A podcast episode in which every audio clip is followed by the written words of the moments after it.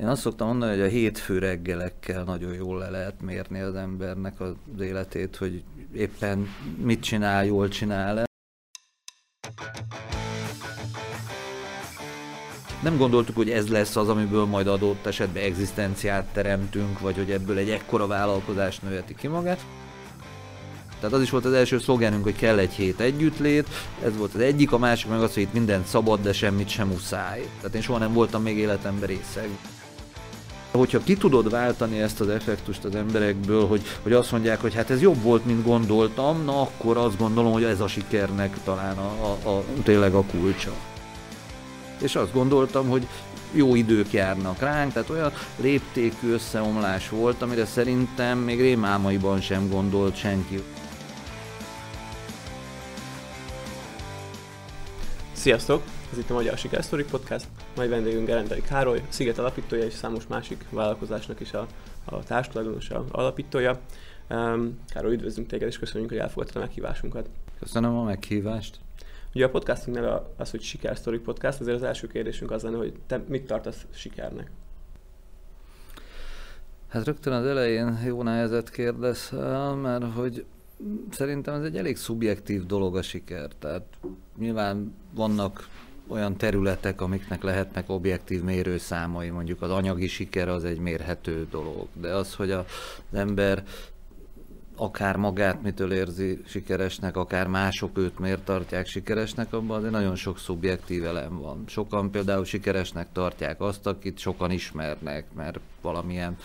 olyan csatornákon keresztül, ahova sok embert el tud jut,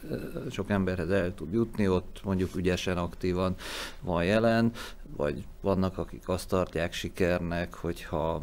nem tudom, valakinek mondjuk vannak különböző elismerései, vagy akár hivatalos, akár úgy szakmai, vagy egyéb elismerései, van, aki azt tartja sikernek, hogyha minél inkább hogy mondjam, boldogan élhet és, és harmóniában a környezetével. Tehát ez egy elég nehéz kérdés, hogyha azt nézzük, hogy én mondjuk mitől vagy miről gondolom azt, hogy mikor érzem magam sikeresnek, általában két-három fő milyen jellemzője vagy ismertetője van a saját életemben annak, hogy mikor vagyok jól magammal egyrészt, tehát hogy meg a környezetemmel, és mikor érzem azt, hogy nem túl stresszes az életem, nincs benne sok olyan probléma, akadály, ami, ami miatt nem, nem vagyok igazán jól a bőrömben. A másik nyilván az is egyfajta mérce, hogy az embernek a vállalkozásai hogyan működnek,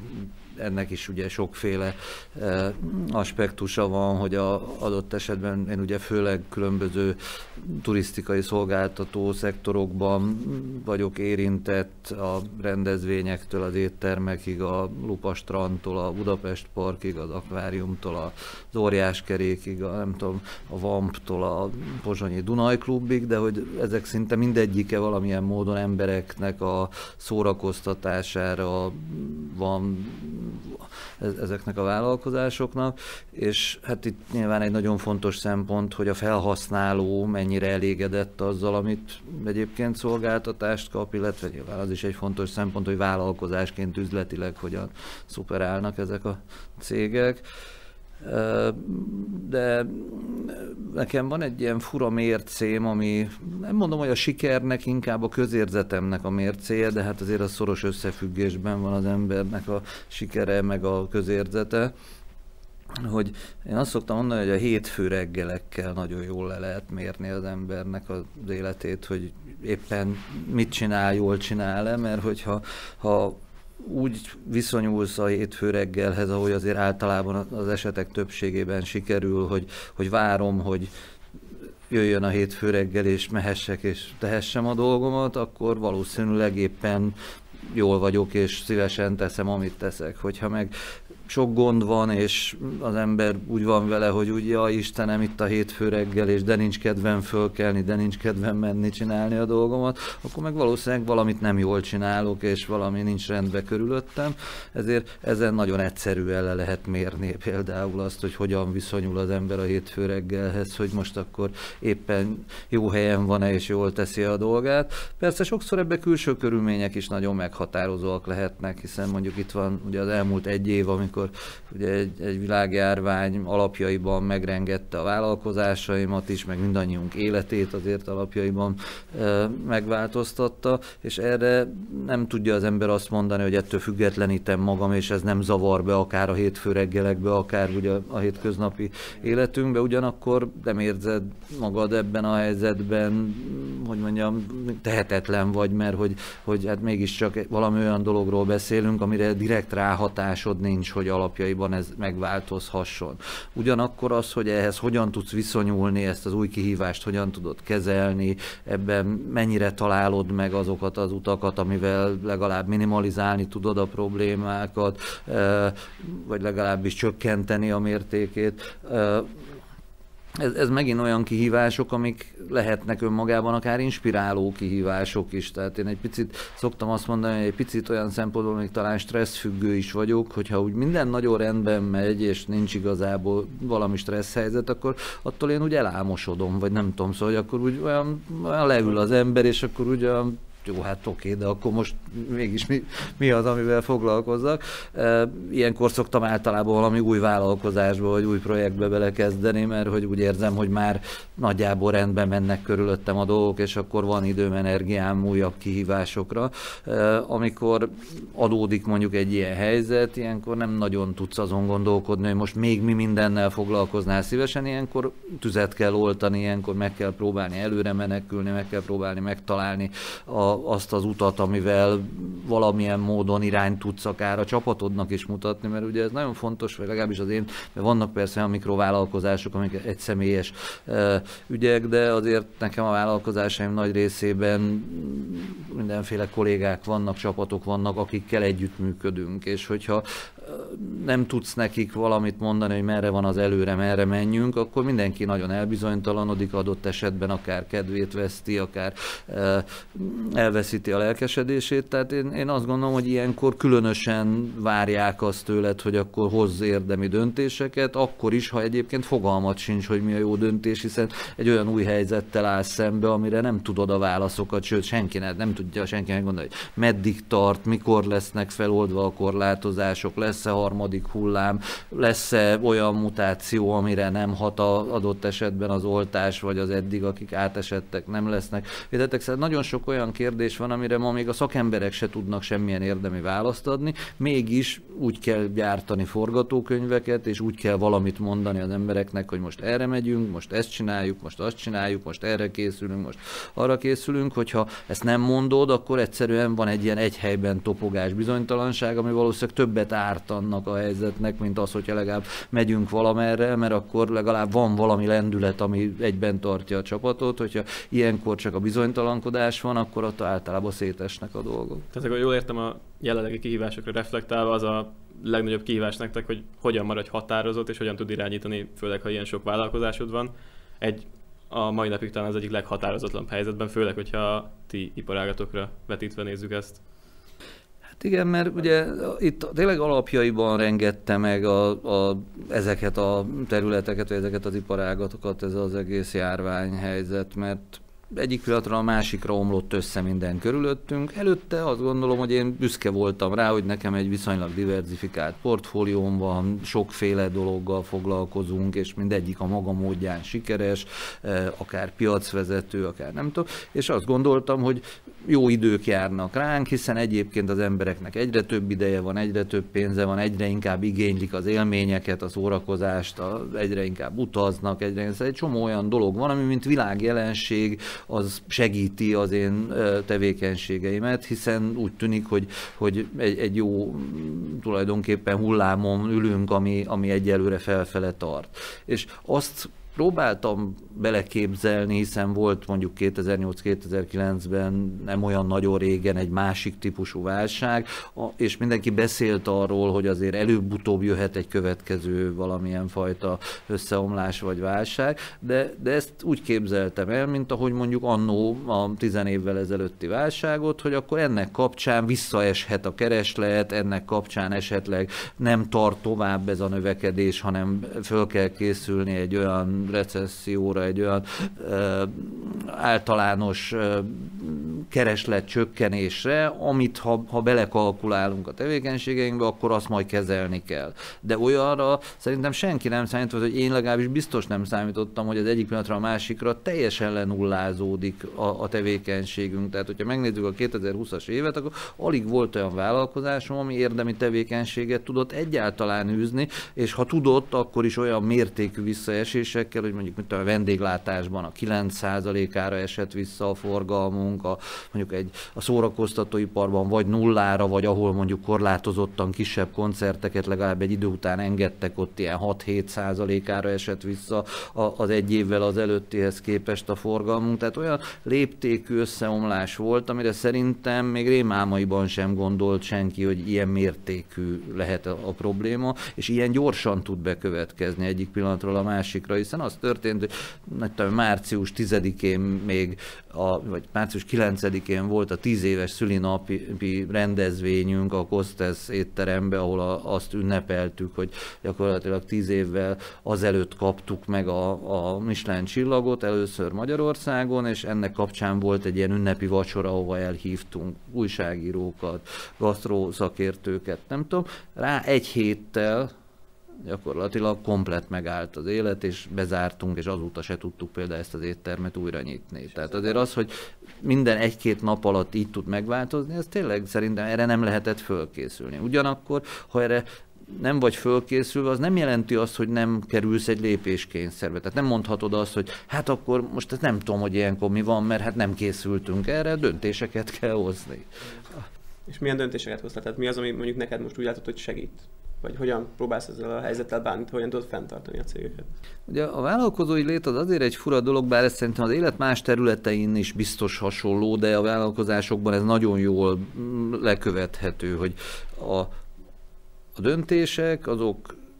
ha csak nem ilyen alapvető stratégiai döntésekről beszélünk, akkor azért azok menet közben is folyamatosan alakíthatóak. Tehát, hogyha elindulsz egy irányba, az nem azt jelenti, hogy ott biztosan ezen az úton kell végigmenni, hanem el kell indulni, elmozdulni a, arról a holdpontról, és ha menet közben azt látod a visszajelzésekből, hogy nem biztos, hogy minden ideális, amerre mész, vagy amit döntöttél, akkor tudsz rajta valamilyen módon még azért változtatni és finom hangolni ezért ugye a, a mi esetünkben az volt, hogy egy csomó mindennel próbálkoztunk az elmúlt egy évben, tehát nem csak egyszerre annyi történt, hogy azt mondtuk, hogy na akkor lehúzzuk a rolót, és majd várunk, hogy mi lesz, hanem azt mondtuk, hogy akkor először próbálkoztunk például mondjuk a vendéglátásban azzal, hogy e, elkészítettünk a, a konyhánkon ételeket félkész szintre, és mellékeltünk egy receptet hozzá, és azt mondtuk, hogy annak ellenére, hogy ez a, sose volt erre példa, hogy a világon Michelin csillagos éttermek házhoz szállítsanak, de próbálkozzunk meg a házhoz szállításra, hogy legalább valami bevételt tudjunk generálni, mert a költségeink, hiszen nem engedtük el az embereinket, nem adtuk föl a, a bérleti jogainkat, ezért továbbra is jelentkeztek, és akkor azt mondtuk, hogy akkor próbáljunk kiszállítani. De hát ez a műfaj, nem tudom mennyire vagytok jártasak a fine diningba, ez nem arról szól, hogy ez kiszállításra találták ki, itt minden apró részlet számít, a hőmérsékletek, az állagok, a kinézete az ételeknek, az összes apró részlet, hogy hogyan van föltálalva, hogyan van bemutatva, ezt nem lehet azt mondani, hogy beteszem egy dobozba és elküldöm egy biciklis futárral, ezért itt tényleg ki kellett találni, hogy hogy lehet ezt valahogy megpróbálni, és akkor mondom, először azzal próbálkoztunk, hogy kiküldjük egy recepttel, és otthon fejezd be magadnak. Akkor utána azt láttuk, hogy valamennyire működött, de nyilván nem, tehát eleve a műfaj iránt nincs a, a, amikor a saját lakásodba étkezel, akkor nagy kereslet, hiszen a, ha már valamit oda rendelsz, akkor már készen próbálod oda rendelni jellemzően, meg hát azért rendelsz, hogy ne kelljen főzicskézni, nem azért, hogy mégis főzicskészhes vele, vagy a, nem tudom.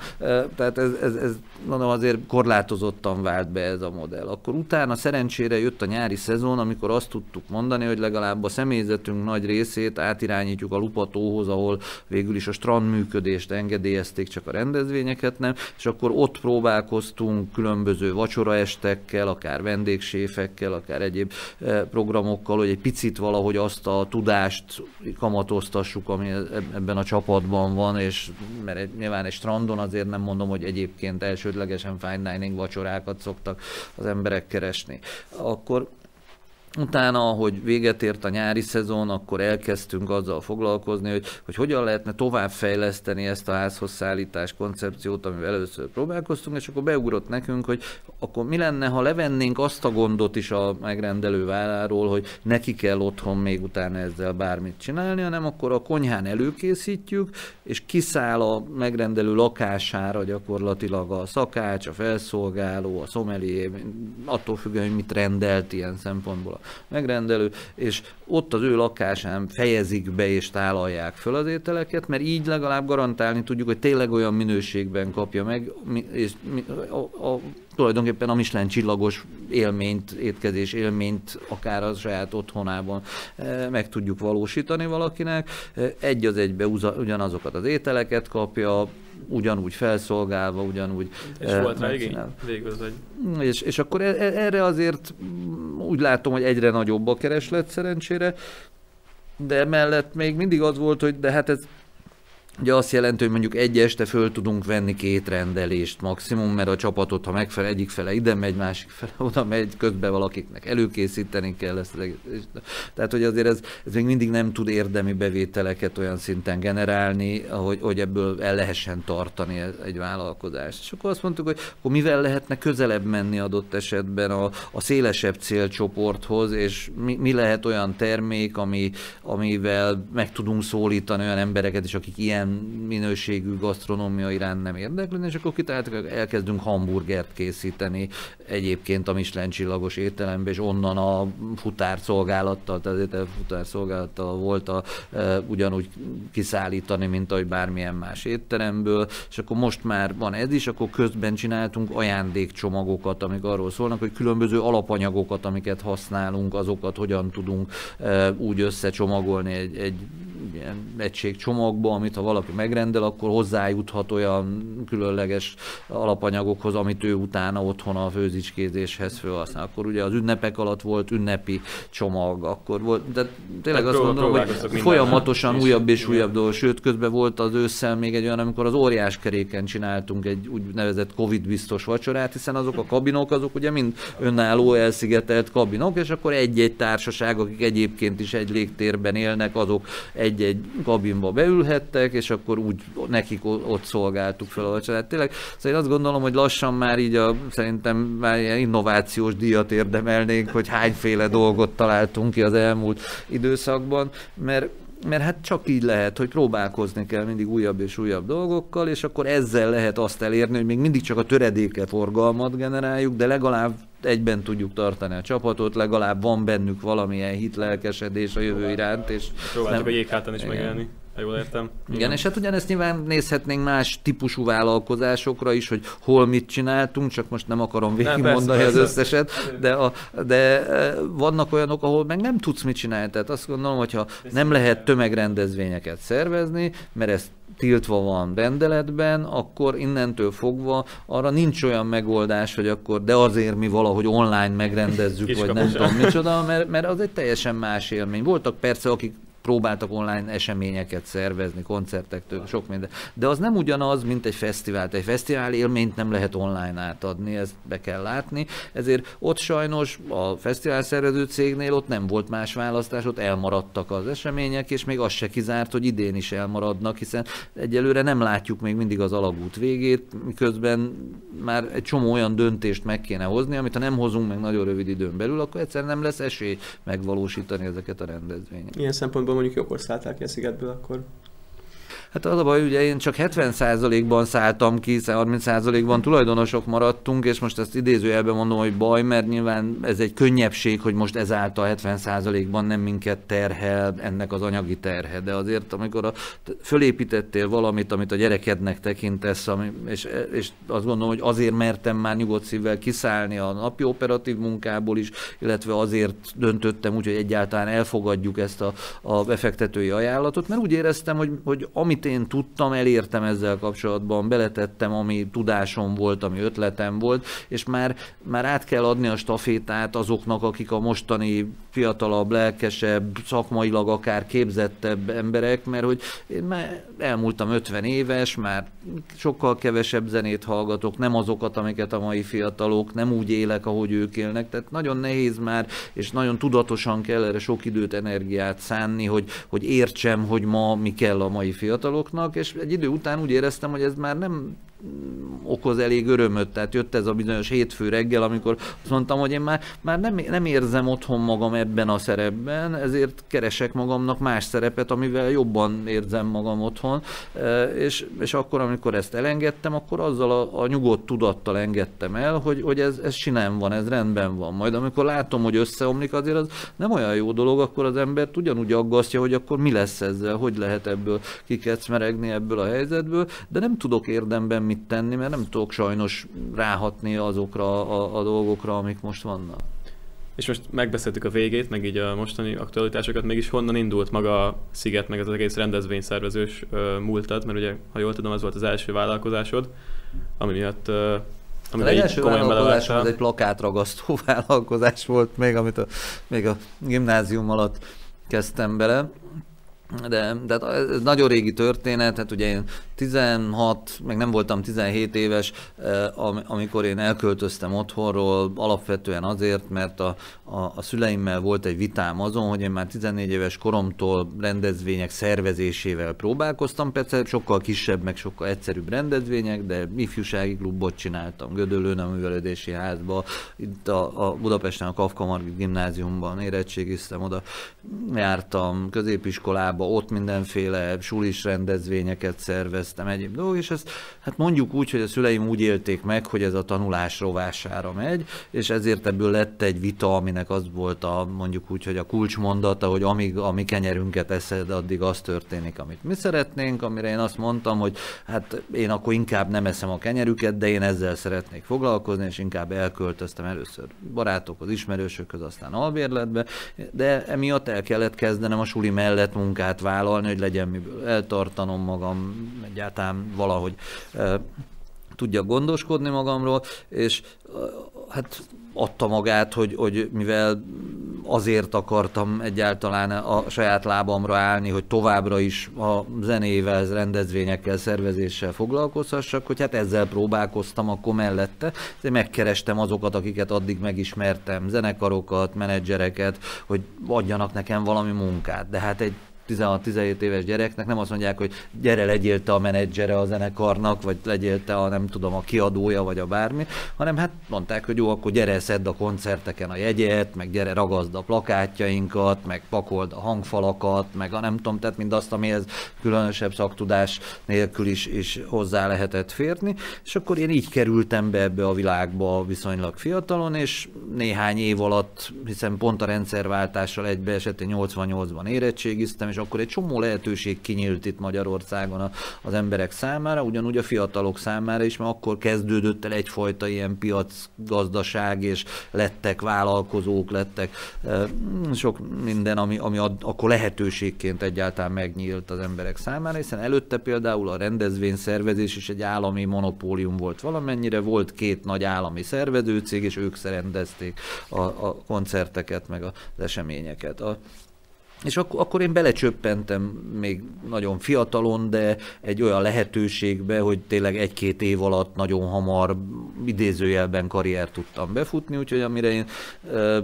hát eleve, amire leérettségiztem már a, a plakátragasztásból kinőtt egy olyan vállalkozás, hogy akkor már 16 ember dolgozott nekem, a, illetve a, a másik részről meg ilyen 20-21 éves koromban én már akkor országosan ismert népszerű zenekaroknak, először a Lord zenekarnak, aztán a Sziáminak voltam a menedzsere, aztán egy hanglemez kiadónak a vezetője, és végül is 22 éves voltam, amikor belekezdtünk a Sziget rendezvénybe,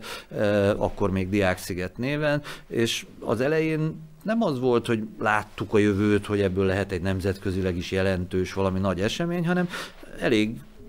hát egyrészt mi magunk is ugyanolyan fiatalok voltunk, mint a, a többiek, akiknek csinálni akartuk, ezért egy picit úgy fogtuk föl, egy baráti társasággal kezdtünk bele, hogy ezt így magunknak, meg a haveroknak, meg a haverok haverjainak csináljuk, hogy végre legyen egy olyan hely, ahol összejöhetünk nyáron, mert a rendszerváltáskor volt egy csomó pozitívum, hogy kinyílt a világ, de voltak fura negatívuma is, ilyen volt például az, hogy az előző rendszerben a, az akkori állampárt, meg az akkori kormányzat az úgy gondolta, hogy a nyár az egy olyan időszak, amikor a, a, a fiatalok különben csellengenének, és nem tudom mit csinálnának, hogyha nem kötnék le őket folyamatosan programokkal, ezért kell nekik folyamatos programokat szervezni, építőtáborokat, úttörőtáborokat, ilyen-olyan táborozási lehetőségeket, hogy ne, ne az legyen, hogy csak úgy vannak, és ezáltal ki tudja, hogy mind gondolkodnak, vagy mit fognak ja, csinálni. Igen, és, a, a, a,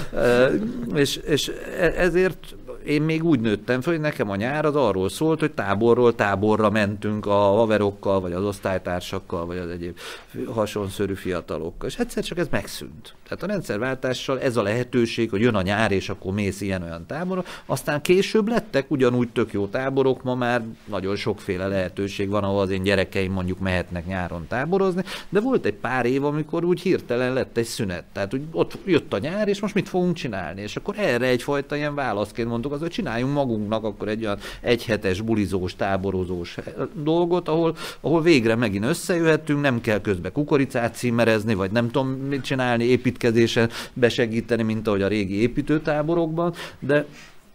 de legalább mm, tényleg együtt lehetünk megint mi fiatalok. És akkor így ez volt az első gondolat, hogy, hogy valahogy legyen egy ilyen hely, ahol nyáron. Tehát az is volt az első szlogenünk, hogy kell egy hét együttlét. Ez volt az egyik, a másik meg az, hogy itt minden szabad, de semmit sem muszáj. Ez ugye mai fejjel már nehezebben értelmezhető, de akkor az akkori fiataloknak az egy fontos üzenet volt, hogy itt már nincsenek kötelező programok, mert előtte voltak kötelező programok a nyári nyaralásban, és a, a, úgyhogy azt mondani, hogy, hogy ez akkor ott tényleg beütött, mert tényleg egy valós igényt szolgáltunk ki, és mi magunk is tulajdonképpen kis túlzásaink meg is voltunk lepődve azon, hogy, hogy mekkorát durrant rögtön az elején, szóval rögtön a legelső Diákszigeten 43 ezer látogató volt, ami akkor nagyon-nagyon soknak számított. Tehát előtte ugye az ilyen táborokban, nem tudom, 100-200 gyerek táborozott, nem 40 ezer, tehát a, a, és a, a más hasonló fesztiválok meg nem nagyon voltak előtte, tehát az egyetlen, ami egy ilyen túlélője volt a rendszerváltásnak, az az EFOT nevű rendezvény, ami ugye a mai napig van ez az egyetemisták és főiskolások országos turisztikai találkozója, de akkor az EFOT pont azért, mert azt korábban a, a KISZ szervezte, ami ugye az állampártnak volt az ifjúsági szervezete, azért az meg egy ilyen mélyre településbe volt, mert hogy hát az, az úgy a múlthoz tartozott, meg az egy olyan kiszes rendezvény volt, ezért mondjuk az EFOTon akkor abban az évben voltak körülbelül tízezren, amikor nálunk már négyszer annyian az első évben, és hát azért ez, ez úgy tényleg az, azt látta mindenki, hogy ebben van fantázia, ezért ezzel mertünk a következőre már még nagyobbat álmodni, és már nemzetközi sztárokat elhívni, akkor volt a Woodstocki Fesztiválnak a 25. jubileuma, akkor ennek apropóján akkor azt mondtuk, hogy nevezzük el az egészet Euro Woodstocknak, és a, a a, és akkor legyen egy, egyfajta ilyen megemlékezés is egyben a, az akkor 25 éves e, fesztiválról Amerikában, és tényleg bedurrant annyira, hogy a következő évben már 143 ezer, tehát 100 ezerrel többen jöttek el egy év alatt, ami azért durva, mert mondom, akkor ugye 93-94-ről beszélünk az első és a második szigetről, a most, hogyha azt mondjuk, hogy egy Balatonszand vagy egy Volt Fesztivál, na az ilyen 150 ezres látogatottságot tud most sok év után, és ezek a legnagyobb hazai rendezvények. Tehát, hogy az, a sziget a második évben már elérte ezt a látogatottságot, és utána is folyamatosan tudott növekedni, ezért is volt, hogy az egy ilyen kényszerpálya volt, hogy mi nagyon hamar elkezdtünk nemzetközi közönség felé nyitni, mert annyira hamar bedurrant a sziget, hogy látszott, hogy egy 10 milliós országban nincs esély arra, hogy ezt tovább lehessen fejleszteni, növeszteni, akkor, hogyha csak a hazai közönségre lövünk, hiszen mondom, a hazai közönség által látogatott rendezvények közül a mai napig a legnagyobbak tudnak maximum ekkora létszámot produkálni, mint amit mi már rögtön az elején produkáltunk. És, és ez hogyan sikerült úgymond ilyen szinten fejleszteni? Tehát mondjuk kaptatok segítséget, vagy ezt így pár fiatal hogyan, hogyan oldotta meg? Hát igazából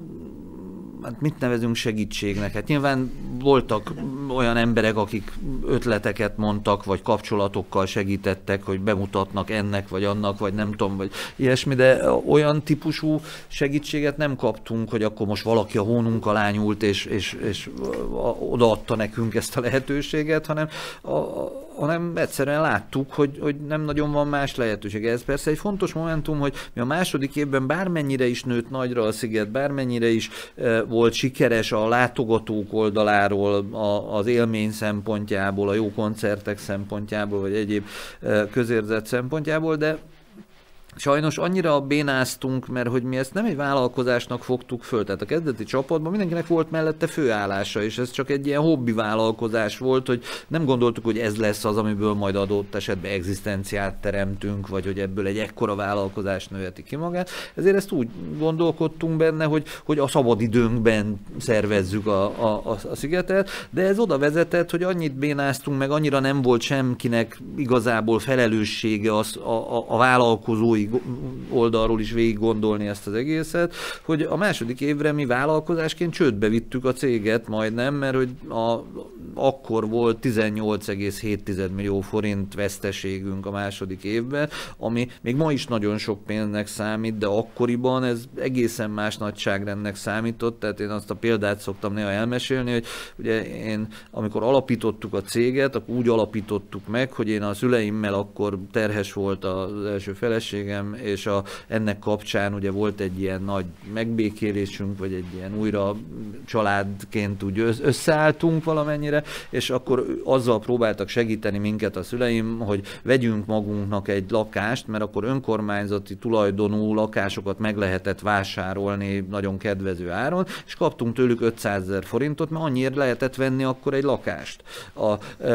és végül is ugye nem lakást vettünk belőle, hanem a céget alapítottuk meg ebből az 500 ezer forintból, mert akkor annyi kellett ahhoz, hogy egyáltalán céget alapíthass, de, de ez, ez, ezek voltak az akkori nagyságrendek. Most ehhez képest majd 20 millió forint tartozással ott állni egyszer csak, hát azért az úgy nem volt egy olyan mulatságos helyzet,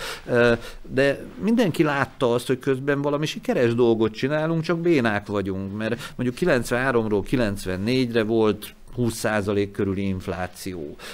A költségvetés fölment az ötszörösére, az első évben 26 millió, a második évben már 120 millió forint volt a, a költségvetés. Ennek ellenére mi például a jegyárakon egy forintot sem emeltünk, tehát 300 forint volt egy napi jegy, és 1800 forint volt egy bérlet egész hétre. Na most, a,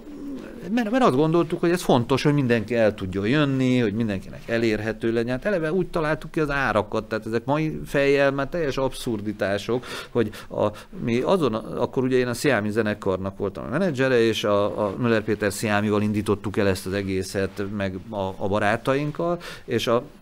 Péterrel, amikor beszélgettünk, hogy mennyi legyen a jegyár, akkor azt találtuk ki, hogy annyi legyen, amennyi egy vidéki sziámi koncertre, mert már akkor is Budapesten 4-500 forintba került egy sziámi koncert, de vidéken még 300 volt a belépőjegy. És azt mondtuk, hogy fontos, hogy mindenkinek elérhető legyen a vidékieknek is, nekik se legyen drága, nekik se. De azt mondtuk, hogy egy darab koncert áráért, egy sima magyar zenekar koncert áráért, egyébként mi adunk egy napi belépőt, ahol nem egy koncertet kapsz, ahol nem az van, hogy odamész egy helyi helyi művelődési házba, és csak lejátszod a koncertet, nem föl kell hozzá művelődési házat is építeni. Tehát, hogy, hogy mondom, szóval teljesen tényleg nem volt megalapozva még ebből a szempontból a gondolkodásunk se, és akkor, amikor ez mégis valahogy összejött az első évben, és mégis nagyjából mindent ki tudtunk fizetni, akkor ezen meg felelkesed, azt mondja, na akkor most már külföldi sztárokat is hívjunk, és továbbra is 300 forintért adjuk a jegyet, továbbra is nem tudom, majd ott állunk, hogy egyébként majd 20 millió forintot nem tudunk kifizetni a vége. Na ez volt az a pont, amikor azért az, az történt, hogy akkor azt mondtuk, hogy, hogy innentől most vagy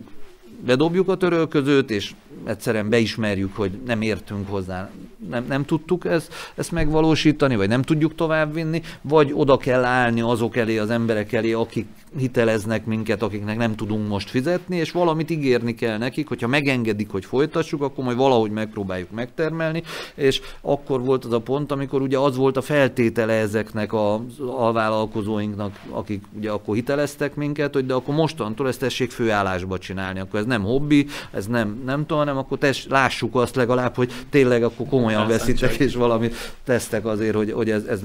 üzletileg is sikeres legyen, és val- aztán harmadik évben már nyereséget tud tudtunk termelni, és el tudtuk kezdeni törleszteni a, a, a veszteségeinket, úgyhogy azt tudom mondani, hogy, hogy utána vált ez ilyen szempontból már vállalkozásként is egy, egy ambiciózusabb dologgá, és nem, nem csak az, hogy ú, de jó lenne, ha jól érezhetnénk magunkat, meg ha minél többen összejöhetnénk, és nem tudom, hanem onnantól volt egy tudatos fejlesztés, és ebben bejöttek azok nagyon hamar azok az elemek, hogy mi, mi, milyen kényszerpályáink vannak, hiszen említettem nektek, hogy láttuk, hogy egyszer nincs hova nőni a magyar közönségben. Tehát ha nem tudunk elkezdeni mondjuk megszólítani más országokból is fiatalokat, akkor nem fogunk tudni fejlődni, mert nem lesz több bevételünk. Vagy csak a, a jegyáremeléssel tudunk, mert persze elkezdtük a jegyárakat is emelgetni, de sokkal kisebb arányban, mint amilyen arányban a kiadásokat emeltük. Tehát, hogy ha megnézi valaki, akkor az, az első rendezvénynek 26 millió forint volt a költségvetése, most 11 milliárd körül körül van a szigetnek a költségvetése. Tehát, hogyha azt megnézzük, hogy ez hányszoros a emelés, mert mindig szoktak azzal példálózni, hogy na de hányszorosára ment föl a jegyár. Persze, csak sokkal kevesebb szeresére ment föl, mint a kiadás, amekkorával nőtt, és ez csak azért lehetett nagyobb arányban növelni a kiadásokat, mert egyre többen jöttek, mert egyre többféle bevétel volt. Ugye a vendéglátásból is egyre több bevétel volt, a reklámbevételek is, a szponzorációs bevételek, tehát ezek is nőttek, és ezáltal nem kellett mindent a közönségre terhelni a növekedésből, és így tudott aztán kinőni belőle egy tényleg regionális szinten is jelentős vállalkozás, mert azért az még mindig nem egyértelmű szerintem egy csomó mindenkinek, hogy a Sziget cég, ami ma már egy ZRT formában működik, de ez a cég, ez hát Közép-Európában mindenképpen, de világ szinten is az egyik legjelentősebb rendezvényes fesztivál szervező cégé nőtte ki magát. Tehát, hogy a közép-európai piacon abszolút piacvezetők vagyunk, és hát nem tudom, mert az igaz, hogy nem minden cégnek ismerem a pontos paramétereit, ezért nem tudnám most ilyen nagyon egyértelműen elhelyezni, főleg a, már évek óta ugye ezzel nem is foglalkozom, de mondjuk a 5-10 évvel ezelőtt, amikor még ebben jobban képben voltam, akkor a Sziget Fesztivál önmagában a világon is a top 10 fesztivál között volt jegyezve, és a Sziget cég is nagyjából a, a, azért a top 10-20 vállalkozás közül az egyik volt világszinten is a, a, a rendezvény szervezésben. Persze vannak olyan multicégek, tudom én, ilyen például a Live Nation cég, ami egy egészen más dimenzió. Tehát, hogy ott az azért nehezen összehasonlítható, mert most nem akarok butaságot mondani, de korábban jól emlékszem azokat a számokat, amiket láttam, ugye ők eleve az amerikai tőzsdén jelenlévő cég, és 170 ezer alkalmazottal, meg a nem tudom, a sok tehát dollármilliárdos uh, nagyságrendű uh, vállalkozásról beszélünk, tehát ők egy másik nagyságrend, de azok, akik nem ennyire komplex portfólióval rendelkeznek, mint ők, mert ők stadionoktól, rádiókig, reklámcégtől a rendezvényekig, nagyon sok minden, meg koncertpromóterek, és itt, és itt. Tehát akik kifejezetten fesztiválokra szakosodtak, ott mindenképpen ez egy jelentős vág, és ez azért tudott megtörténni, nem azért, mert annyira okosak voltunk, hanem azért, mert egyszerűen voltak kényszerpályák, amikbe belementünk, mert, mert akartunk fejlődni, mert szerettünk volna még jobbat csinálni, és ebben voltak persze nagyon szerencsés olyan hozzáadott mondjuk változások a világban is, amit csak egyszerűen jól ki tudtunk használni. Tehát még egy példát aztán befejezem és beszéljünk, a, de, de hogy, hogy csak azért, mert az is egy ilyen nagyon egyszerű és szemléletes példa, hogy amikor mi ebbe az egészbe belekezdtünk, nem volt még mobiltelefon, internet, már föl volt találva, de hogy még nem, nem, nem volt elérhető, vagy nem, nem volt lefedettség, vagy nem. A, ezért ahogyan ez, ez elterjedt, és minden felhasználónak lett egyébként okostelefonja, és itt teljesen megváltozott a kommunikáció. Tehát korábban nekünk az egy nagy fejfájás volt, hogy hogy tudunk sok pénzből tévéreklámmal, rádióreklámmal, plakáttal, óriás plakáttal, szórólappal és egyéb különböző megoldásokkal eljutni valahogy a célközönséghez, és akkor még mindig ott volt az a probléma, hogyha el is jutunk hozzá, de egyébként a, hogy fogjuk neki elmagyarázni, hogy ez miben más, mitől jobb, mitől szebb, mitől érdekesebb, mitől, mint egy másik fesztivál, hiszen zenekarok mindenütt kb. ugyanazok lépnek föl. Tehát, ha megnézitek a, a top fesztiváloknak a line akkor azt fogjátok látni, hogy nagyon nagy átfedés van ebben. Tehát most akkor miért fog fölülni Hollandiába a repülőre, vagy mit Ausztráliába, vagy bárhol egy, egy fiatal, és ide utazni, hogyha azt látja, hogy ugyanazok lépnek föl, mint náluk az ottani fesztiválon. Tehát hogy fogjuk ezt megértetni velük? Nekünk nincs arra pénzünk, hogy Ausztráliába is reklámfilmeket sugározzunk a helyi tévében, és megmutassuk, hogy milyen a sziget, vagy. És azért ez egy nagyon komoly kihívás volt. Ma meg mi történik? Ide jönnek ezek a fiatalok a világ minden tájáról, hozzák a telefonjukat, mindent azonnal lefotóznak, lefilmeznek, és az összes haverjukkal azonnal megosztják egyébként, hogy ez milyen jó hely, mennyire különleges, mennyire... De, tehát voltak olyan változások, amik nekünk baromira segítették ezt a folyamatot, mert enélkül sokkal-sokkal nehezebb lett volna eljutni a, a, a, a közönséghez, de onnantól, hogy mindenki segít ebben nekünk, hogy tulajdonképpen megmutatja az ismerőseinek, emberek is. Ebben ami még fontos, és ez általában nem csak a Szigetre, hanem szerintem minden vállalkozásomra egy picit igaz, hogy én azért mindig úgy közelítek a, a dolgokhoz, hogy, hogy azt keresem, hogy hogyan lehet a, az, a, az elvárásokat felülmúlni. Mert hogy szerintem az a, az első kérdés hogy az volt, hogy a siker és hogy a siker titka, nem tudom, akkor ha van titka ilyen szempontból szerintem az én sikeremnek, akkor az néhány apróság. Az egyik, hogy eleve olyasmivel foglalkozom, amit szeretek csinálni, nem egyszerűen munkának élem meg, hanem a hobbimnak is, amivel foglalkozom. De a, a másik az, hogy igyekszem mindig azt nézni, hogy a, mi az általános elvárás szint, és a fölélőni, és nem kiszolgálni az általános elvárást. Ugyanis, hogyha elmész egy valamilyen, mondjuk egy rendezvényre, de mondhatnánk egy éttermet is, vagy egy strandot is, vagy most tök mindegy, amikkel én foglalkozom, vagy egy szórakozó helyet. Oda te úgy fogsz elmenni, hogy jó eséllyel nem véletlenül esel be oda, hanem hallottál már róla valamit, hogy ez jó, ez érdekes, ez jól néz ki, érdekes program van, nem tudom micsoda. És hogyha ezzel az elvárással mész oda, és valóban kapsz egy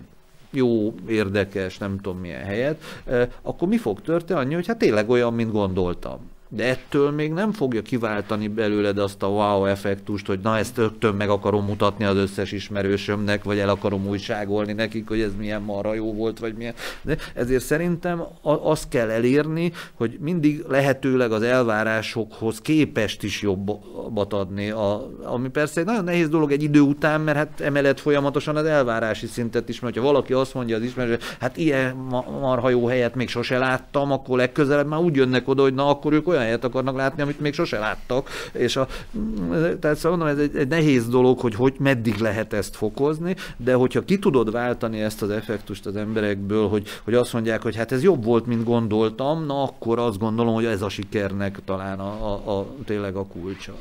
És egyébként említetted most már több vállalkozásodra is kitértünk, tehát hogy egyszerre nem tudom összesen pontosan hányat, hetet, nyolcat menedzselsz, de hát mi a... Nem mindent én menedzserek félreértés ne essék, mindegyiknek van önálló menedzsmentje. Én igen, részt veszek ezeknek a menedzsereknek a munkájában, stratégiaalkotásban, kitalálásban, egyéb dolgokban, de minél inkább működőképes valami, annál kevésbé folyok bele. Igen, értem, igen. Azért is kérdezem, mert hogy mit gondolsz inkább, hogy mennyire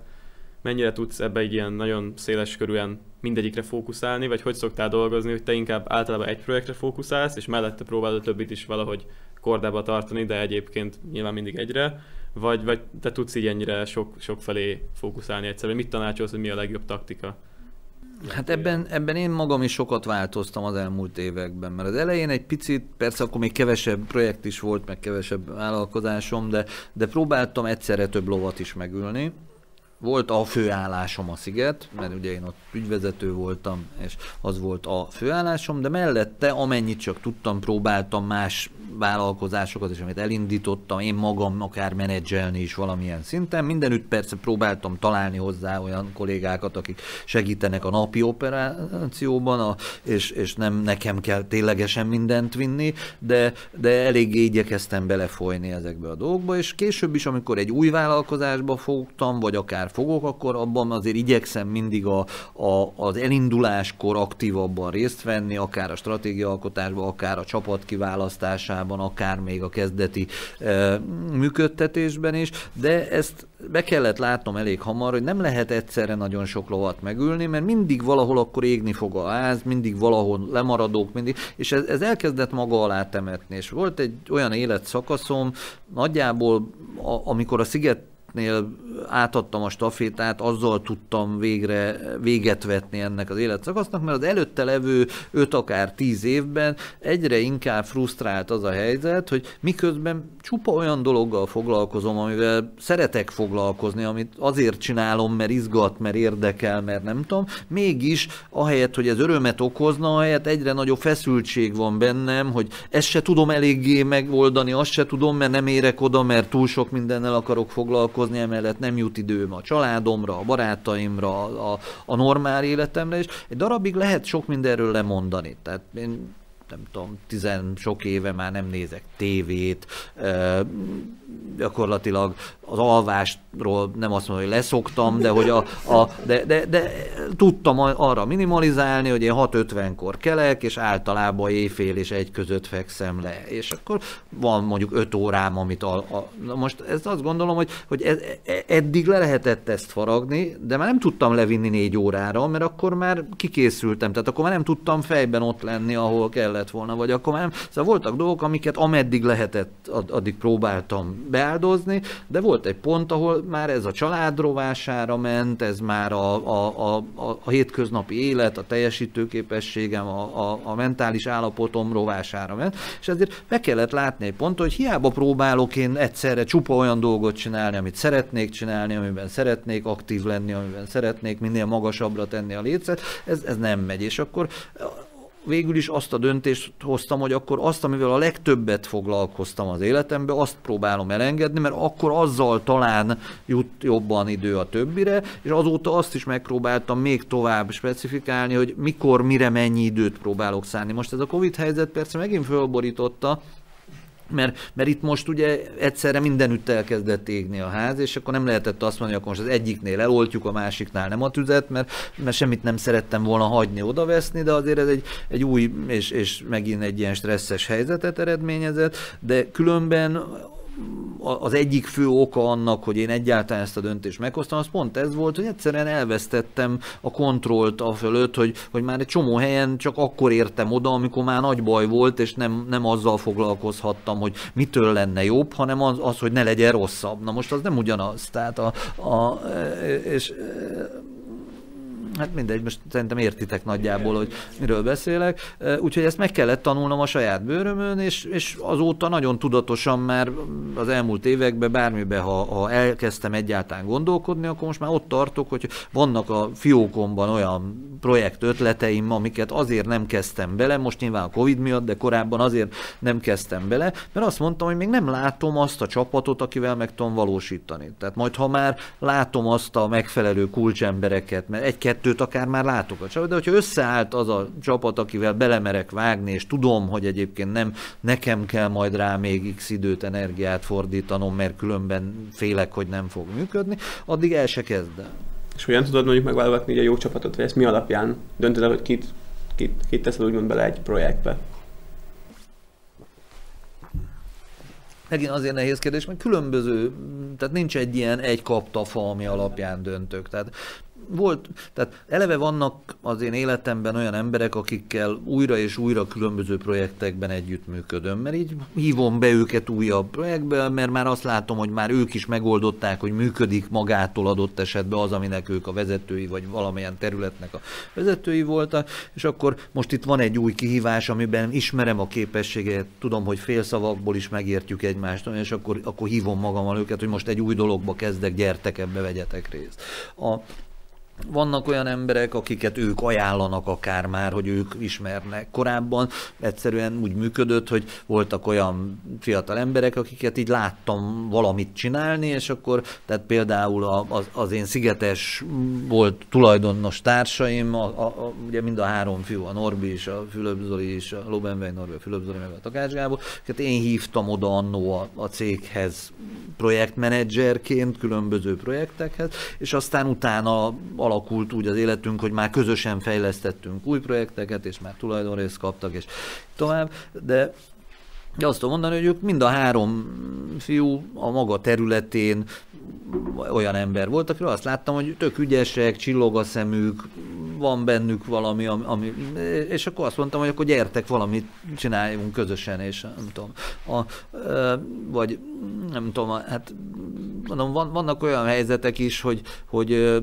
egyszerűen valakit csak ajánlanak, hogy, hogy nézzem meg, vagy nem tudom, és akkor úgy azt látom, hogy tényleg... Tehát akkor nem feltétlenül ez a nagyon tudatos csapatépítés, és minden szerepnek meg legyen mindenki, hanem inkább ilyen zsigerből döntöd el ezeket. főszerepek hogy... fontosak, hogy tehát a, a, főleg akkor a tudod, hogy nem akarsz operatívan részt venni a dolgokban. És vannak olyan kollégák, akik, akik több cégnél is dolgoznak, tehát tudom, mondjuk a kommunikációs terület, az tipikusan olyan, hogy az, az egy olyan szakmai tudás, aminél nem kell mindegyik céghez biztosan önálló csapatot építeni, hanem vannak olyan emberek, akik egyszerre több mindent is meg tudnak csinálni. Vagy vannak olyan dolgok, amit tudom én, ahol meg nem jó, hogyha nem csak arra a cég te- tevékenységre fókuszálsz, mit tudom én, nyilván a pénzügyek például tipikusan minden cégnek kell saját pénzügyese legyen, vagy nem tudom, tehát a,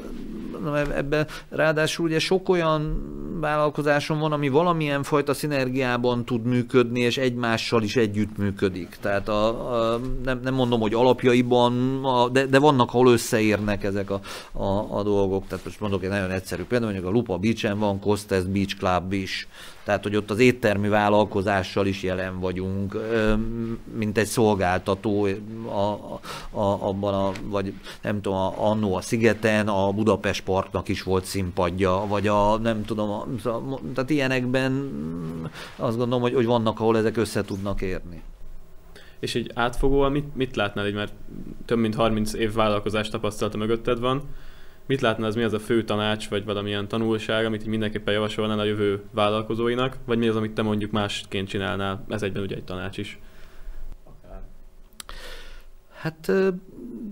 két alap dolgot tudok javasolni a saját életemből, erről ugye hogy beszéltem is valamennyire, hogy én azt gondolom, hogy vállalkozóként vagy akkor tudsz sikerre vinni valamit, hogyha valami nagyon speciális tudásod, valami sokkal több jobb, mint a többieknek a versenyben. Ezt ma már szerintem nehéz megszerezni, mert egyrészt már, tehát ha, ha, ha elég időt, energiát szánsz rá, akkor, akkor tudást mindenből valamennyire össze lehet szedni, de azért sokszor csak a gyakorlatban lehet ezt igazán megszerezni, és nem elég csak könyvekből, vagy nem tudom, de még hogyha ha össze is szedted, akkor nincs garancia, hogy más ugyanezt a tudást ne tudná összeszedni, tehát hogy ebben már nehezebb ezzel kiemelkedni. A, ez, ezért ha, ha nincs valamilyen nagyon speciális tudásod valamilyen területről, akkor lehetőleg olyannal foglalkozz, amivel egyébként fogyasztói oldalról is szívesen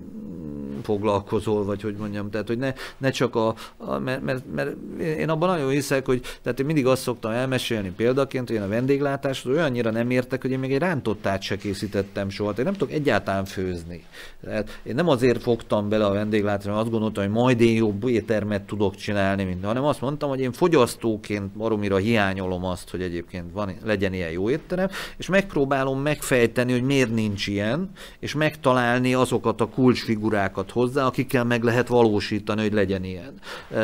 De, de az egész onnan jött, hogy engem ez érdekelt nagyon ez a dolog, az egyik hobbim a gasztronómia, és, és zavart, hogy nem találom itthon meg azt a kínálatot, amit a világban utazgatva máshol megtalálok. De ugyanígy mondhatnám más vállalkozásoknál is, hogy egy csomó esetben az inspiráció az volt, hogy volt egy hiányérzetem, és hogyha abból indulsz ki, hogy mi az, amit legalább jól meg tudsz fogalmazni fogyasztóként, hogy mi a hiányod, akkor arra utána már könnyebb választ mert akkor meg kell találni azt, aki ezt be tudja tölteni, vagy meg tudja oldani. A, a másik az, hogy legyen víziót, tehát hogy ne csak arról legyen szó, hogy én szeretnék egy éttermet, vagy én szeretnék egy fesztivált, vagy szeretnék, hanem tudd azt, hogy mi az, ami konkrétan szeretnél. Tehát, hogy egy, egy ilyen fesztivál szerintem ilyen hiányzik, és ott szerintem mind én, mind tudom, hogy sokan mások is jól éreznék magukat. Mert akkor, akkor van valami, amit meg akarsz valósítani, és nem csak annyi, hogy hát másoknak úgy tűnik, hogy jól mennek a fesztivál, akkor én is fesztivált akarok csinálni. Vagy már nem tudom, mert ez, ez szerintem nem nagyon szokott működni. Tehát, hogy, hogy legyen víziód ezzel kapcsolatban, meg, meg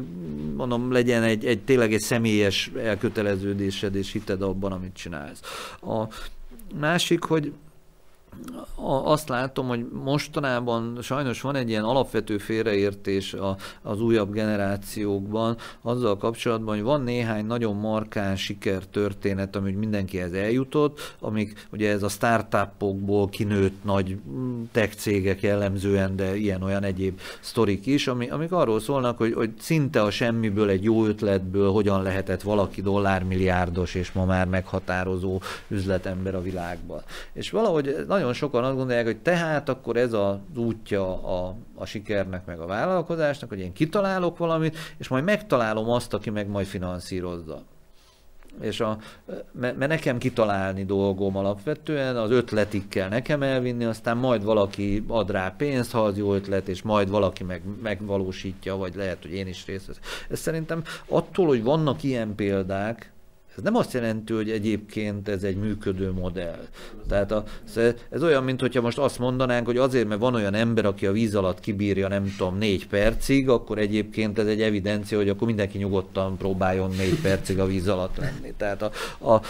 szóval nem, ez, ebből nem lehet kiindulni. Tehát e, e, ezek hihetetlen szerencsés sztorik, hogy ezek összejöttek, és érdemes persze próbálkozni startup cégekkel, de akkor érdemes, hogyha ott te ugyanúgy valamit meg akarsz valósítani, és akkor is meg akarod valósítani, hogyha majd nem jön a Robert bácsi és adja oda hozzá a pénzt, meg hogyha nem tudom, tehát hogy ezt minden, tehát a vállalkozás az arról szól, hogy én nekem van valami, a, a, a, egy gondolatom, egy hitem, egy nem tudom, és azt, azt tűzön vizen keresztül szeretném megvalósítani, és hogyha kell, akkor ezért lemondok dolgokról, ha kell, akkor ez, és nem egyszerűen annyi, hogy van egy ötletem, mikor leszek belőle milliárdos, mert ebbe, ebbe azt látom, hogy nagyon sokan engem is megkeresnek fiatal emberek azzal, hogy itt az ötlete, és adjak ennyi pénzt, meg annyi pénzt, meg nem tudom. Micsoda, és akkor amikor mondom, hogy de és mi, hogy fogod meg? Hát majd, nem, majd keresek valakit rá, meg majd a, meg, a, meg hogy mire kell az a pénz, meg a nem tudom, meg, hát hogy legyen szép irodánk, hogy fölvehessek ember, nem tudom, tehát szóval ez nem így van, tehát, hogy a, a, tehát, szóval a, a, aki így közelít hozzá, az alapvetően azt gondolom, hogy egy tévedésben van. Az egyénekről térünk át kicsit talán nagyobb szintre. Igen, kollektíven. Tehát, hogy mondjuk szerinted van-e valami olyan, amit mondjuk Magyarországon jobban lehetne csinálni, hogy, hogy több sikeres vállalkozás legyen? Hát biztos lehetne sok mindent jobban csinálni. Az az igazság, hogy ennek egy része olyan, amire megint nehéz az embernek már ráhatással bírni, mert szerintem Magyarországon ebből a szempontból egy picit a közhangulat vállalkozás ellenes. Tehát az eleve van egy nagyon erős állami szerepvállalás a piacon, ami én személy szerint nem tartok egy ideális helyzetnek. Most egy válsághelyzetben még akár lehet is az, de, de egyébként szerintem ezek az arányok nem biztos, hogy stimmelnek, és az, hogy a vállalkozások jelentős része az államból él, és az ő megbízásaiból, ez nem gondolom, hogy, hogy igazán hosszú távon segíti a vállalkozási kultúrát és a, az egyéni ambíciókat, a, a, a, mert, mert hogyha azt látják, hogy ez inkább azon múlik, hogy mondjuk ki, meg milyen kapcsolatai vannak, hogy majd egyébként mennyire lesz sikeres, és nem azon, hogy ténylegesen a piaci versenyben hogyan teljesít, az szerintem az egy rossz példa.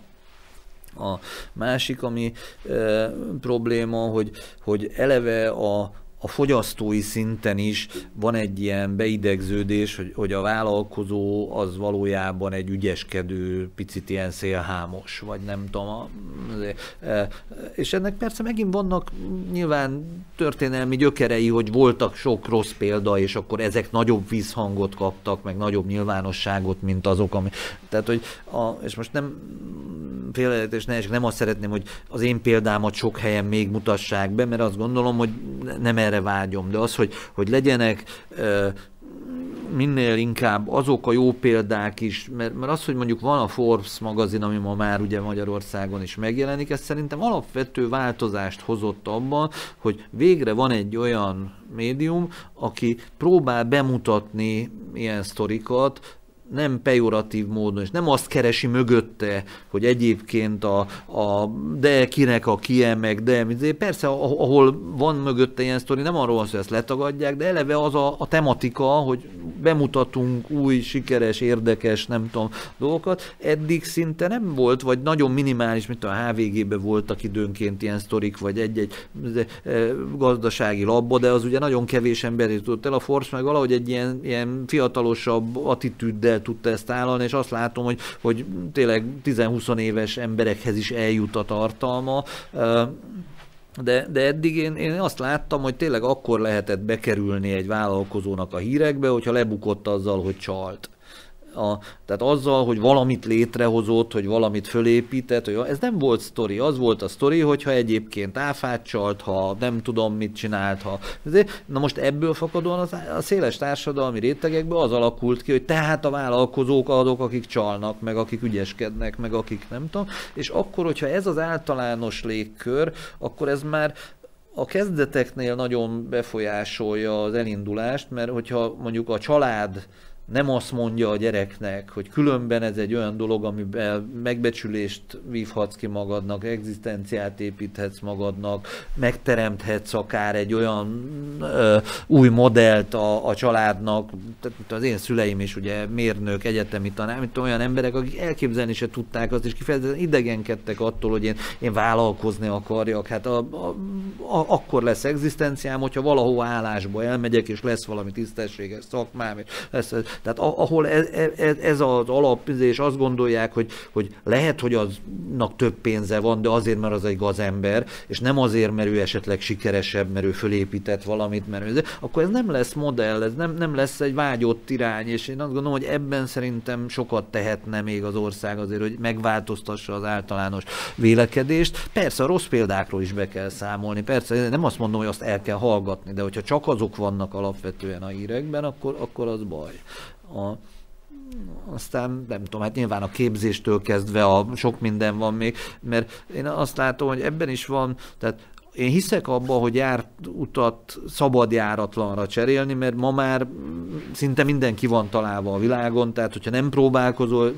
az egyedi megoldásokkal, a nem tudom, akkor, akkor kisebb esélyed van arra, hogy egyáltalán, mert az, hogy beállsz a sorba és te leszel a 120. zöldséges a faluba, annak azért nincs értelme, mert valószínűleg nincs 120-ra kereslet.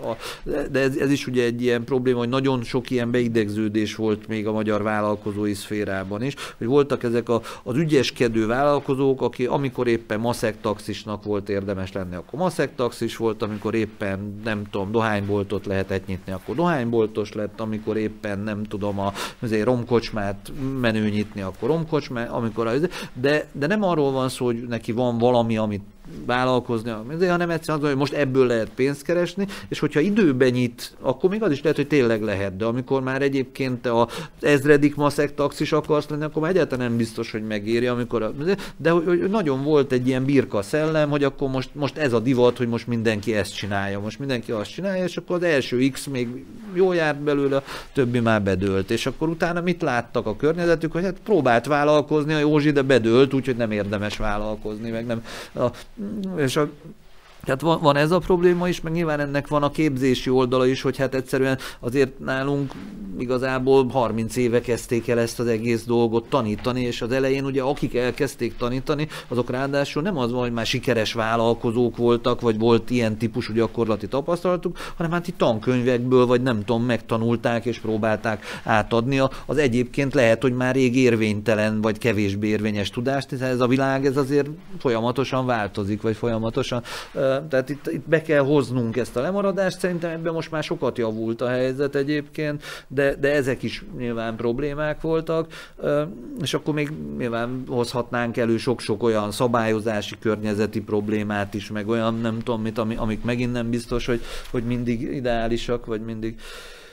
kellően segítik ezt a szférát. Akkor tehát így összességében mégis a kommunikációs oldalára, meg a vízió fontosságára helyezni ki a hangsúlyt, hogy kicsit vegyük le a vállalkozókról ezt a negatív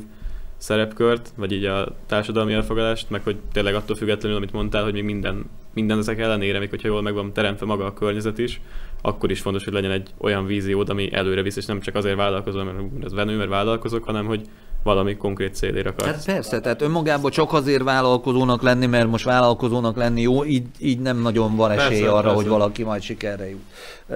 Még egy dolog, hogy miközben egy picit magammal is vitatkozzak, miközben mondtam, hogy ez a jártút, járatlan út nálamnál szerintem nem érdemes abba az irányba menni, amit felé mindenki megy, mert abban akkor te csak egy leszel a sok közül, hanem érdemes valamennyire egyedibb megoldásokban gondolkodni, de azért ennek is megvan az a hátránya, hogy, hogy ez például azt látom, hogy akár a politika szintjén, akár a, a, az ország gondolkodása szintjén nagyon sokszor van egy hogy milyen harmadik utasok akarunk lenni, és mi majd majd valami más, más megoldást keresünk, mint ami a világban működik. Tehát azért azt sem érdemes elfelejteni, egy csomószor különben elég csak körbenézni a világban, hogy mi az, ami már működik, ugyanis vannak fejlettségben, infrastruktúrában, sok mindenben előrébb levő helyek a világon, és valamennyire, ha mi arra, abba az irányba haladunk, akkor le lehet azt szűrni, hogy körülbelül mi lesz itt pár év múlva bizonyos dolgokban, mert ott már ott tartanak. Tehát, hogy egyszerűen sokszor az is elég, hogyha az ember egy picit nyitott szemmel jár, és, és merít inspirációkat abban, hogy mi, mi hogyan működik a világon. Nem mondom, hogy mindent le lehet kopírozni, mert de, de az, hogy, hogy érdemes nyitott szemmel járni, hogy érdemes a nemzetközi példákat megnézni, azért az is valószínű. Személyes részről, ugye említetted, hogy sokat utaztál, meg most pont ugye a nemzetközi példáknál is, hogy fontos nyitott szemmel járni. Akár ezen kívül milyen szabadidős tevékenységeid vannak még? Hát étterembe is, amíg lehetett, addig sokat jártam. Alapvetően nekem mondjuk úgy, hogy a, a hobbiaim az a kortárs képzőművészeti alkotásoknak a gyűjtése. Valamikor sokkal aktívabban, ma már kevéssé, de borokat is gyűjtött gyűjtöttem, inkább így mondom, mint gyűjtök. A, annak is van egy ilyen külön történet, hogy én antialkoholista vagyok, és én azért kezdtem el a borokat gyűjteni, mert sokan azt hiszik, hogy én valami nagy borszakértő vagyok, meg hú de értek, de nem iszom egyáltalán bort. A, nekem ez onnan jött, hogy a baráti társaságomban voltak olyan emberek, akik nagyon kedvelték a borokat, és így elhívtak magukkal, hogy menjek el velük ide-oda túrákra, ilyen pincékbe, borkostolásra, ilyesmi. És azon, hogy én voltam mindig a sofőr, mert antialkoholista vagyok, azon túl azért ez nekem egy picit ilyen, ilyen idegen vagy fura helyzet volt, hogy mit keresek én egy boros pincében, egy borkostolón, ahol a borász lelkesen magyarázza, hogy a taninok így, az ízek úgy, a nem tudom, és az, úgy, hogy közben én nem kóstolom meg, meg nem, nem tudok mit kezdeni ezzel a, a helyzettel, és csak azért vagyok ott, mert a barátaimmal szívesen vagyok, és akkor elkezdtem legalább a szaksajtót olvasni hozzá, hogy legalább tudjak beszélgetni a borásszal valamit. Elkezdtem akkor, és aztán elkezdtem azt mondani, hogy hát akkor végül is, hogyha mindenhonnan hoznék emlékbe, ahol így elmegyek legalább egy bort, akkor már legalább a borás se érez, hogy na én ott voltam, és még egy bort se vettem tőle, és, a, nem tudom, a, és akkor így, így elkezdtem ez, ezen pörögni, és aztán egyre inkább rájöttem, hogy végül is, hogyha ehhez én gyűjtőként viszonyulok ehhez a világhoz, akkor már is nekem is van helyem benne, és akkor nem fogok ott feszengeni, hogy mit keresek én egy ilyen boros rendezvényen, vagy egy borászatban, vagy egy nem tudom. És, és akkor így jött ez. De aztán egy idő után meg a másik véglettel találkoztam, hogy elkezdett már annyi borom lenni, hogy akkor azon kezdtem el gondolkodni, gondolkodni, de most van egy csomó borom, és mi lesz velük? Hát tönkre mennek, mert hogy egyébként meg, meginni nem fogom, hát azért ez így elég hülyeség, hogy most egy gyűjtöm a borokat, és hagyom őket tönkre menni, és akkor ezért egy ideje így alább hagyott ez a fajta lelkesedésem de, de a képeknél szerencsére ilyen probléma nincs. A, egyébként meg, ami, amivel tényleg időt is töltök, az egyértelműen igyekszem minél többet utazni, minél többet egyébként jókat enni, inni, és ma már igyekszem minél többet a barátaimmal, meg a családommal is lenni, és ezeket sokszor össze lehet kötni, hogy velük jókat enni, inni, velük utazni, velük nem tudom, tehát ez, ez a... De én azért azt meg szoktam jegyezni valamennyire, hogy, hogy nekem ebből a szempontból a munka az nem válik el a hobbitól. Tehát, hogy azért nekem az is szórakozás, ha csak nem terhelem túl magam, vagy nem érzem azt, hogy így összeomlanak körülöttem dolgok, hogy, hogy ezt csinálhatom. Tehát nem, nem úgy néz ki, mint ahogy sokan azt gondolják, hogy jó, de mi, mivel töltöd a, a a szabadidő, és mivel a munk, tehát hogy nekem ez nem, nem úgy válik külön, tehát hogy akkor, hogyha én kimegyek a lupatóra mondjuk nyáron a családdal, akkor most én dolgozom épp, vagy, vagy ha elmegyek egy fesztiválra a barátaimmal, vagy ha nem tudom, a Budapest, tehát hogy szerencsére én, én olyan dolgokkal foglalkozom, amikkel egyébként azért foglalkozom, mert, mert, mert, mert engem is valamilyen módon szórakoztat, meg, meg jó érzés látni, hogy működik, meg jó, tehát tehát... És egyébként még visszatérve az előző kérdésre, itt tényleg uh, konkrétan az ország legnagyobb és Európa szinten egy nagyon nagy fesztivál alapítójaként, ez neked mennyire volt ilyen paradox jelenség, hogy egyébként antialkoholista vagy, és mégis ezt szervezted meg, vagy ezt csináltad meg, nem, nem az, hogy most persze az alkoholizásra szól csak egy fesztivál, de hogy mégis egy jelentős része, ugye köztudottan, és ez nem zavar téged, vagy milyen szinten befolyásolt maga a gondolat?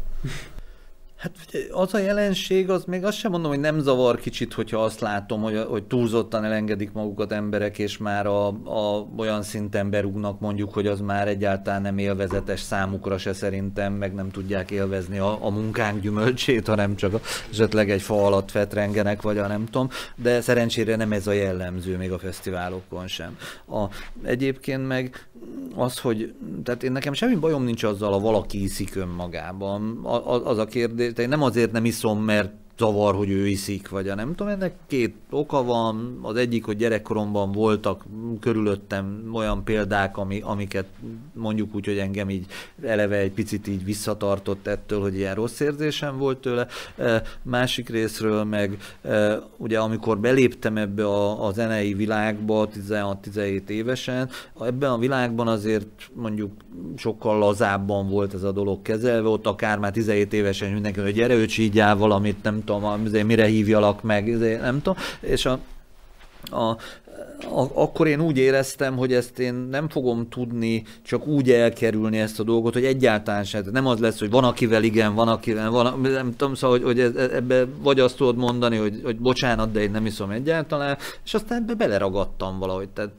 megkóstolni, megkóstoltam mint osztálykiránduláson a különböző ilyen rövideket, meg a ilyen olyan baráti társaságba, de annyira, hogy megkóstoltam. Tehát én soha nem voltam még életemben részeg, vagy soha, és, és tudom magamról azt, hogy az a típus vagyok, akinek ha valami bejön, akkor ráadásul abba könnyen beleragad. Ezért én bizonyos dolgokat meg sem merek kóstolni. Tehát a, most nem az alkohol, inkább a drogok szintjén, de a, a, mert, egyszerűen tartok tőle, hogy mi lenne, ha bejönne, akkor félek, hogy rákattannék. És akkor a, a,